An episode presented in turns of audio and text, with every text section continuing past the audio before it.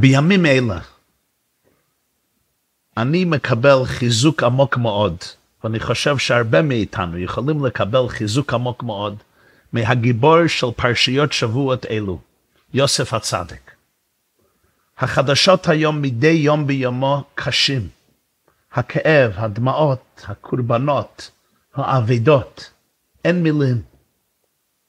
ואנחנו יודעים שכל האירועים גם מוציאים מן ההלם דברים שהיו אצלנו גם מקודם, אבל אלו אולי היו חבויים. ועכשיו הם מתפרצים. אם זה פחד, מתח, חלחלה, פיזור הנפש, בלבול המויכן, ייאוש, דיכאון וכולי. כולנו זקוקים לתמיכה נפשית ורגשית, לעוגן, לדבקות פנימית עם העצמיות והנשמה שלנו ועם אלה הקרובים אלינו. ובעניין זה אפשר לקבל תמיכה עמוקה מאוד מהגיבור של פרשת ויגש יוסף הצדיק. הנה השאלה, מה הייתה השקפת עולם שהעניקה לו ליוסף את הכוח להיות אדם שמח ועליז למרות כל ההפתקאות, הניסיונות והחוויות הקשות שעברו עליו. איך הוא היה בן אדם כל כך מלא חן וחדווה, עוז ושמחת חיים, אומץ וביטחון עצמי. מאיפה הכוח למחול לאחיו, לאלה שיצרו את כל הכאב וגרמו לו נזקים לכל כך הרבה שנים. אם אפשר להתבטא ככה, מה, היום, מה היה אומר פסיכולוג, פסיכולוג שהיה קורא את הרשימה, הרזומה של כל העינויים שקרו ליוסף. בגיל צעיר מאוד, בגיל שמונה או תשע, היא איבד אימא, ולא רק אימא, רחל, רחל על בנה. בן שבע עשרה, וכבר לפני זה אחיו שונאים אותו, לא יכלו לדברו לשלום. ובגיל שבע עשרה, האחים שלו זורקים אותו לבור, ואחר כך מוכרים אותו לעבד. במצרים הוא נעשה עבד, ושם הוא נזרק לכלא ל-12 שנה. עד שהוא בן שלושים, בלי שום עוגן של תקווה, בלי שום סיכוי שבדרך הטבע יצא לחירות, יתאחד שוב עם אבא שלו, עם אביו האהוב.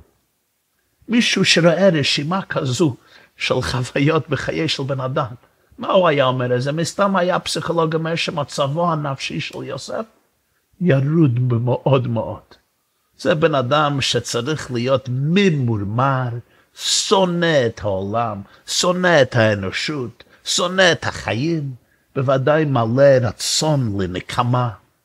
עם התעללויות כזו, מסתם נהפך לבן אדם הציני הכי גדול בעולם. הלב שלו בשלב זה צריך להיות עשוי מאבן. איך בן אדם הזה יכול בכלל להתרגש?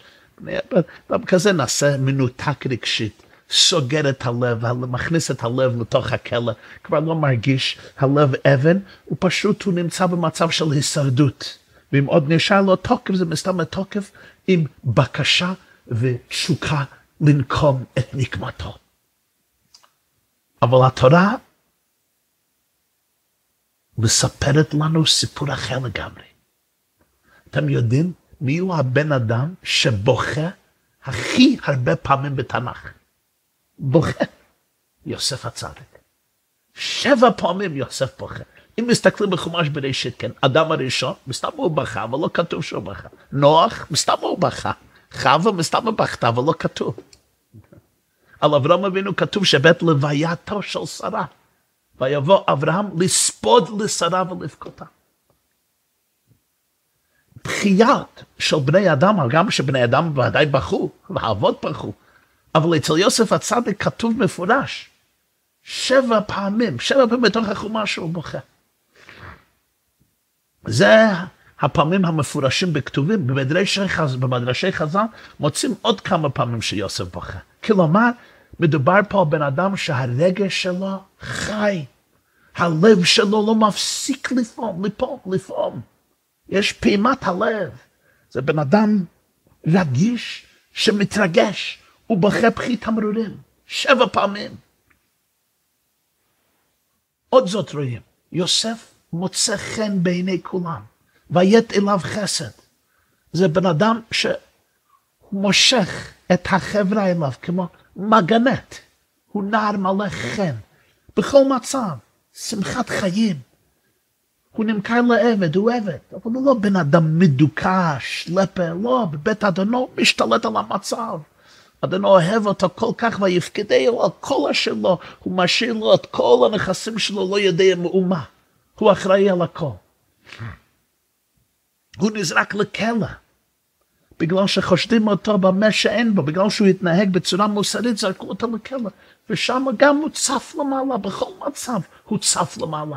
וכשרואה בכלא בוקר אחד שני שרי פרעה, שר המשקים ושר האופים, זועפים, מה הוא אומר? הוא אומר, בסדר, אם זועפים, גם אני זועף. מסתכל עליהם ושאל אותם, מדוע פניכם רעים היום? מה קרה? למה אתם לא בשמחה? למה אתם זועפים? למה הפנים שלכם נפולות? מדוע פניכם רעים היום? והוא שומע שיש להם חלומות, וזקוקים לפתרון, לא לוקים פתרונים. בכל מקום הוא צף למעלה, משתלט על המצב, מגיע לשגשוג ולשיא הגבהות שמתאפשרת לו בנסיבות אלו לפי המצב שבו הוא נמצא. אם זה בבית פוטיפר, אם זה בכלא, ואם זה כשנעשה משנה למלך מצרים. ולאחרי 22 שנה של פרידה, כשיוסף סוף סוף מתגלה, מתוודה לאחיו, ולא יכול יוסף להתאפק. והוא אומר להם, אני יוסף, העוד אבי חי. מה קורה? לא יכלו אחד לענות אותו, כי נבהלו מפניו. אני מבין, גם אני הייתי נבהל. איזה בושה, איזה חרפה. ואולי יחשבו איזה נקמה הוא יבקש עכשיו. עכשיו הוא, יוסף הוא המוישה לכל ארץ מצרים, הוא המשבר בר, הוא השליט, בלעדיך לא ירים איש את ידו ואת רגלו בכל ארץ מצרים, הרי כל המדינה זה שלו, ובמצרים הייתה אימפריה ענקית, הייתה סופר פאוור, מעצימת על בעולם העתיק. זה בן אדם שיש לו היום כוח נפלא, כוח נורא. וברגע זה, ברגע זה, לאחרי כל מה שעבר, יוסף אומר לאחיו מילים מפתיעות, ואתה, אל תייצבו. אל ייחר בעיניכם כי מכרתם אותי הנה. למה? כי למחיה שלחני אלוקים לפניכם. זה מאוד תמוה. הוא הקורבן. הוא זה שנשלח, נזרק לבור. הוא זה שנמכר לעבד. הוא זה שנזרק לכלא, היה שם 12 שנה, בתוך בור. יוסף אבינו אומר, שמו אותי, יוסף הצדיק אומר, שמו אותי בבור. הוא הקורבן. הוא אומר להם לא להיות עצבנים, לא להיות עצבנים, אתה אל תעצבו, אל ייחר בעיניכם. הם היו חופשים כל השנים האלה, הם היו משוחררים, הם היו בבית אבא כל השנים האלה. הוא זה שסבל, והוא מרגיע אותם, והוא אומר להם, חבר'ה, אל תתעצבנו, אתה אל תעצבו. הוא מאחל להם, הוא זן אותם, מכלכל אותם במשך שנים. לכאורה הם צריכים להגיד זה את זה אליו. אל תעצבו. איך זה קרה? איך? מנהו כך, יש ביטוי אחד, כשהתורה חוזרת על ביטוי אחד כמה פעמים, צריך להבין שזו מילת מפתח. זו לא סתם מילה, זו מילת, מילה יסודית ובסיסית בכל הנרטיב. יש ביטוי אחד בסיפור, שיוסף הצדיק חוזר עליו שלוש פעמים, זה אחר זה. בהתחלת פרשת ויגע, כשהוא מתגלה לך ואומר, ואתה אל תעצבו ואל ייחר בעיניכם, כי מכרתם אותי הנה, כי למחיה שלחני אלוקים לפניכם. ואחר כך ממשיך.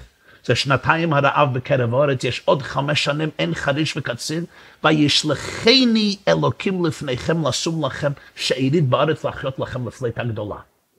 ושוב בפסוק אחר כך, ואתה לא אתם שלחתם אותי הנה, כי האלוקים. וישימני לאו לפרעה לאדום בכל ביתו ומושל בכל ארץ מצרים. שלוש פעמים, בשלושה פסוקים כמעט זה אחרי זה, הוא מדגיש. וישלחני אלוקים, כי למחיה שלחני אלוקים, וישלחני אלוקים, לא אתם שלחתם אותי כי אם אלוקים. זו מילת המפתח בכל הסיפור הנפלא הזה. יוסף עוזב את מושג המכירה ומחליף את המושג הזה עם המושג של שליחות. זו המילים לאחיו. אתה אל תעצבו כי מכרתם אותי הנה, כי למחיה שלחני אלוקים לפניכם, וישלחני אלוקים. לא אתם שלחתם. פה הנקודה. יש הבדל מהותי בין מכירה לבין שליחות. ודאי, יש גם צד זהה. כשאני מוכר משהו או מישהו, הוא עובר מרשות שלי לרשות אחרת. אני מוכר הבית שלי לך, אז הבית שלי כבר לא ברשות, זה ברשותך. אם בזמן העתיק יש לי עבד ואני מוכר אותו, כמו שמכרו יוסף, מעבירים אותו מרשות אחת לרשות שנייה, גם בשליחות. אם אני שולח שליח לאיזשהו מקום, הוא עובר מרשות זה לרשות אחרת, הרי הוא שליח, הרי הוא נשלח למקום אחר, למצב אחר, לרשות אחרת. אבל כמובן יש הבדל פונדמנטלי, יש הבדל יסודי בסיסי בין מכירה לבין שליחות. כשאני מוכר משהו, אם זה בית או עבד או מכונית או שעון או מכונה או שולחן, דעתו של הדבר שאותו אני מוכר לא רלוונטית. אין לו חוות דעת, חוות דעת לגבי המכירה הזו. זה כמו כדור בפינג פונג. כן? בפינג פונג זורקים את הכדור מפה לשם ומשם לפה, מצד זה לצד זה, לא שואלים את הכדור, אתה מעוניין לעבור לצד השני של השולחן? כדור פינג פונג. הוא חלק מהמשחק שלנו. לחפץ שנמכר אין שום שליטה בעניין, הוא לגמרי פסיבי. הדבר הנמכר הוא קורבן לנסיבות. אבל מה קורה בשליחות? אם אני שולח מישהו לבצע משימה מסוימת, לבצע שליחות מסוימת, אני צריך קודם כל להעריך אם זה שאני שולח הוא בעל פוטנציאל לבצע את המשימה הזו, את השליחות הזו, אם אני רואה שאין לך את הכישרונות המתאימים, החושים המתאימים, המשאבים שזקוקים לך כדי לבצע את המשימה, אני לא יכול לשלוח אותך. שליחות באה רק אחרי שאני מעריך שאתה האיש הנכון, בזמן הנכון, במקום הנכון, שמעשים לשליחות זו. אה, יוסף אומר לאחיו, לא נמכרתי. אתם אומרים, חושבים, אתם מכרתם אותי. אתה אל תיוץ, וכלמיך שלחני אלוקים. מה פירוש הדברים? מה הוא אומר?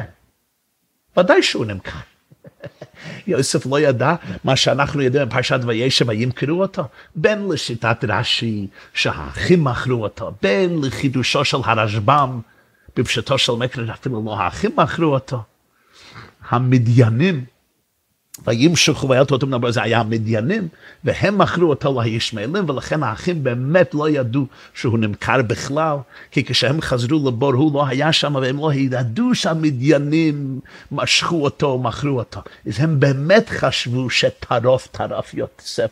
לכן לפי הרשב"ם מובן מאוד למה בכלל לא העלו על הדעת במצרים שהוא יכול להיות שם אפילו שנפגשו עם המשנה למלך הזה, כי אצלם היה בטוח מעל כל ספק שהילד הזה מת לגמרי.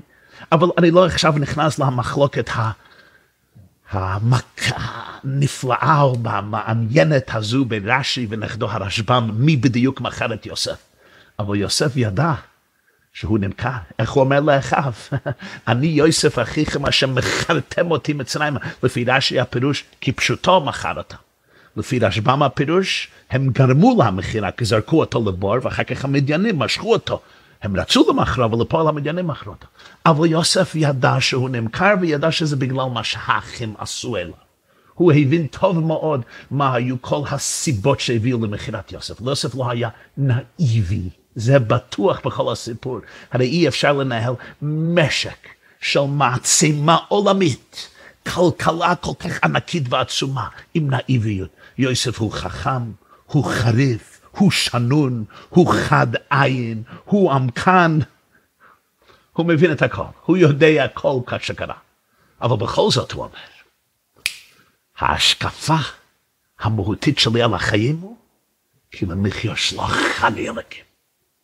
הנשמה שלו נבחרה, נבחרה ללכת למקומות אלו ולמצבים אלו, כי הקדוש ברוך הוא ידע שלנשמה הזאת יש כוח, יש כל המאגרים, כל המשאבים, כל הפוטנציאל לעמוד בשליחות שלו. יש לה כוח להיכנס למקומות חשוכים, למקומות מסובכים, למקומות לא מתוקנים, ולהכניס אור לתוך המצב הזה. זוהי השליחות הזו שם, זוהי השליחות המיוחדת. של הנשמה הזו שעל ידה היא תעניק לעולם את האור הייחודי שלה, או בסגנון יוסף, למחיה שלחני אלוהיקים לפניכם. וישלחני אלוקים לשום לכם שאין יתברת לחיות לכם לפלית הגדולה. העובדות לא משתנות. מה שהם עשו, עשו. זה נכון, ודאי. אבל יש מילה באנגלית, reframing, כן? יש, יש תמונה ויש מסגרת התמונה. לפעמים כשמשנים את המסגרת, כל התמונה משתנית. תולים תמונה או ציור בסלון, אבל צריך שתהיה מסגרת המשימה. התמונה היא אותה תמונה, אבל המסגרת, how do you reframe it? reframing זה מילה בפסיכולוגיה, reframing פירוש באיזה קונטקסט אני מכניס את זה. אני יכול להגיד, כן, מכרו אותי כמו כדור פינג פונג. יוסף לא הסתכל על זה אפילו לרגע אחד ככה. לא, זרקו אותי ככה. זו הייתה שליחות מאת השמיים. זה נכון, זה קרה על ידם, והם צריכים לעשות תשובה על, ה, על המחשבות שלהם ועל המזימה שלהם, נכון. אבל מבחינת החיים שלי, הוא יכול להסתכל על כל רגע ורגע, על כל חוויה וחוויה, ולמרות שהיו שם ייסורים קשים, אף פעם הוא לא הרגיש שהוא סתם קורבן לנסיבות והחלטות של אחרים. יוסף לא התכחש לשום חוויה מהחיים שלו. הוא הרגיש כל שלב וכל אירוע בשיא הרגש והלבביות. הוא לא קבר את הלב, לא הכניס את הלב לכלא, לא התנתק רגשית, לא טמן את הדמעות, ומאידך, לא נעשה בן אדם מלא נקמה ואגרסיביות, שאיבד את האקוויליבריום, את מנוחת הנפש שלו. הוא גם לא נעשה קורבן ופסיבי לגמרי, שהאומץ שלו נשחט, הוא פשוט, הוא נעשה קורבן. הוא מרגיש שהוא כלומניק. שאני עבר כל כך הרבה התעללות. איך זה קורה? אם אני מסתכל על הריאליות, איך יוסף נשאר הבן אדם הזה שמלא כל כך חן ושמחת חיים. הוא הסתכל על עצמו ואמר, עברתי דברים קשים. והוא יודע לבכות, הוא יודע להרגיש מרירות, הוא יודע להרגיש כאב וכאב עמוק. אבל מדוע עברתי את זה? לא כי אני לוזר, לא כי אני שלמזל, לא כי אני שלמיל, לא כי אני נודניק. סבתא שלי הייתה אומרת, יש שלושה סוגי אנשים, שלמיל, שלמזל, נודניק. מה החילוק? השלמיל שופך את המרק על השלמזל. הנודניק רצה לדעת איזה סוג מרק זה היה, ואני מוסיף, אם מישהו שופך את המרק על עצמו, אז לפעמים השלמזל והשלמיל והנודניק זה הכל בחודם אחת באותו בן אדם. אפשר להסתכל, איזה לוזר אני, וזה קורה לפעמים. כשילד או ילדה עוברים דברים קשים, הם לא יודעים להאשים את האחרים. זה ילד, זה ילדה, מאשימים את עצמם. אז במוח שלהם נכנס למקום עמוק מאוד, שאני לוזר בעצם. אני כלומניק, אני שווה עין ואפס ממש. יוסף אומר, לא, זה לא קרה כי אני לוזר, זה קרה כי אני שליח.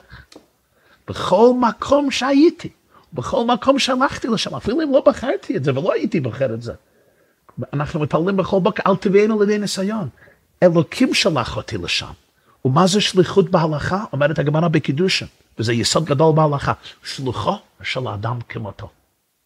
כשאני שולח שליח לבצע משימה משהו, השליח עומד במקום השליח, ויש לזה השלכות הלכתיות עמוקות מאוד. איש יכול לשלוח שליח לקדש אישה בשבילו. הוא מקדש את אישה כאילו שהשליח עשה את זה, אפילו שהוא שלח שליח. אותו דבר ליתן גט, אותו דבר לגבי המון המון הלכות, שלוחו של אדם. האישה יכולה לשלוח שליח, האישה יכולה למנות שליח או שלוחה, שהוא או היא יקבלו את הקידושין עבורה והיא מקודשת, או יקבל את הגט עבורה והיא מגורשת.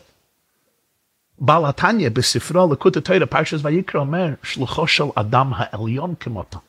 ביחזקאל יש, במרכבת יחזקאל, יש אדם העליון שעל הכיסא, זה משל לקדוש ברוך הוא, אדם העליון.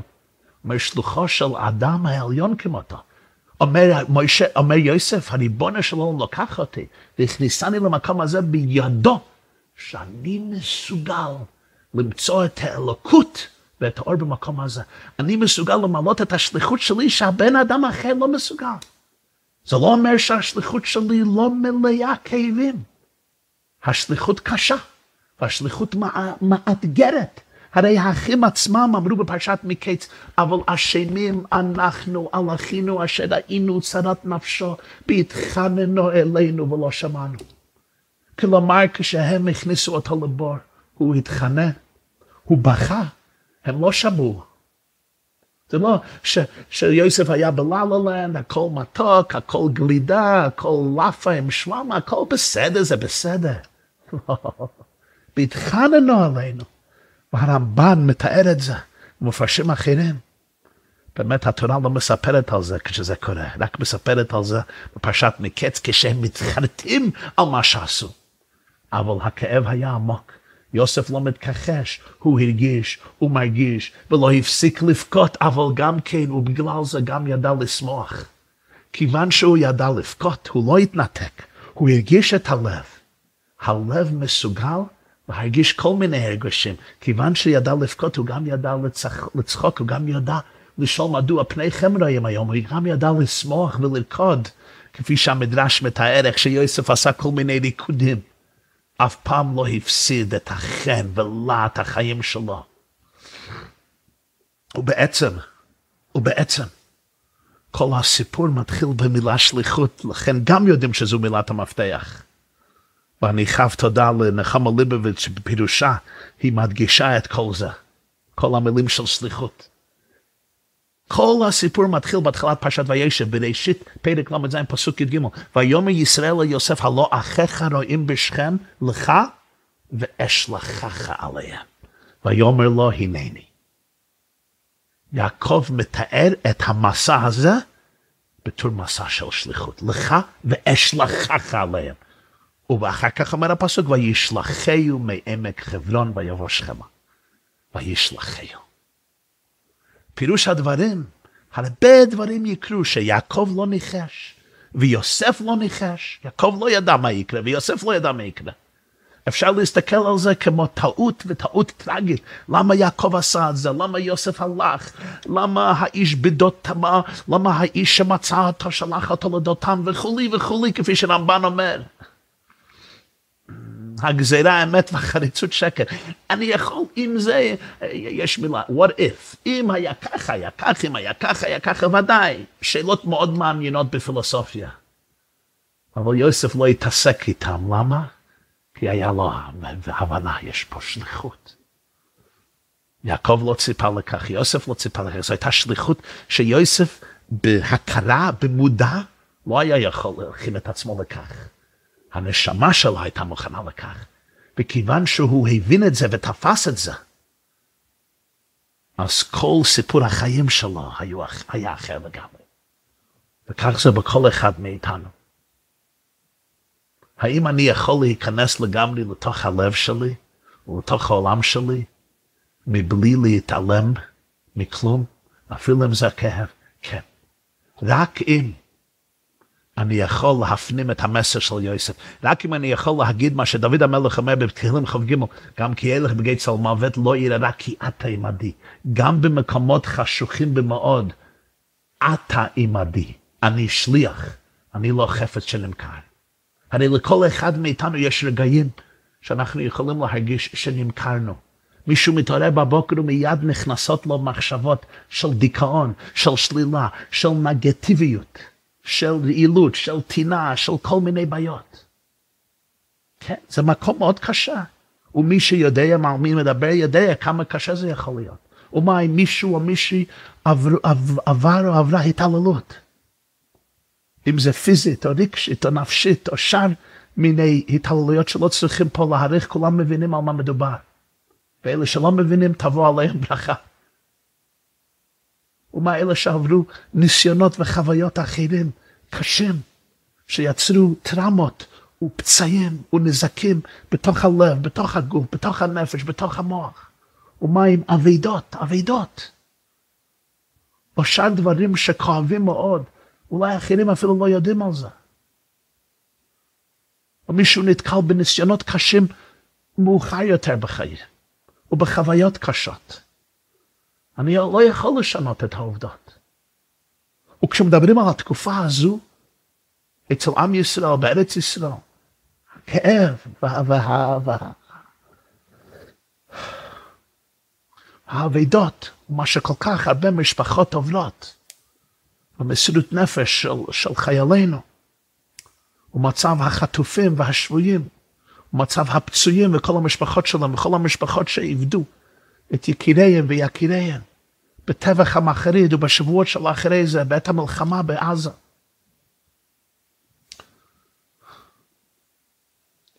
וכל שאר המצבים היום, זה מאוד קשה וזה מאוד כואב. אני לא אמור לקבור את כל הרגישים שלי. כדי להמשיך בחיים, אני קובר הכל ומתנתק. אני לא אמור להתכחש להכל. אבל יוסף הצדיק מלמד אותנו משהו עמוק מאוד. הוא אומר שבכל יום יש לי בחירה ואני צריך לענות את השאלה הזו. האם נמכרתי או נשלח לי? זו השאלה. השליחות קשה, אבל האם נמכרתי או נשלחתי? האם אני קורבן לנסיבות? או שהקדוש ברוך הוא בחר בי ושלחני ממש למצב זה, למצב זה, למצב זה, כי ידע שיש בכוחי להכניס אור, תקווה, משמעות, אמת, ממש למקום זה, למקומות אלו. כאן הוא השליחות שלי, ומכאן אני אגלה את האור האינסופי הטמון בנפשי. כאן הוא ממש, כאן הוא הפתח שלי לדבקות אמיתית בשורש הנשמה שלי ובשורש כל החיים שלי.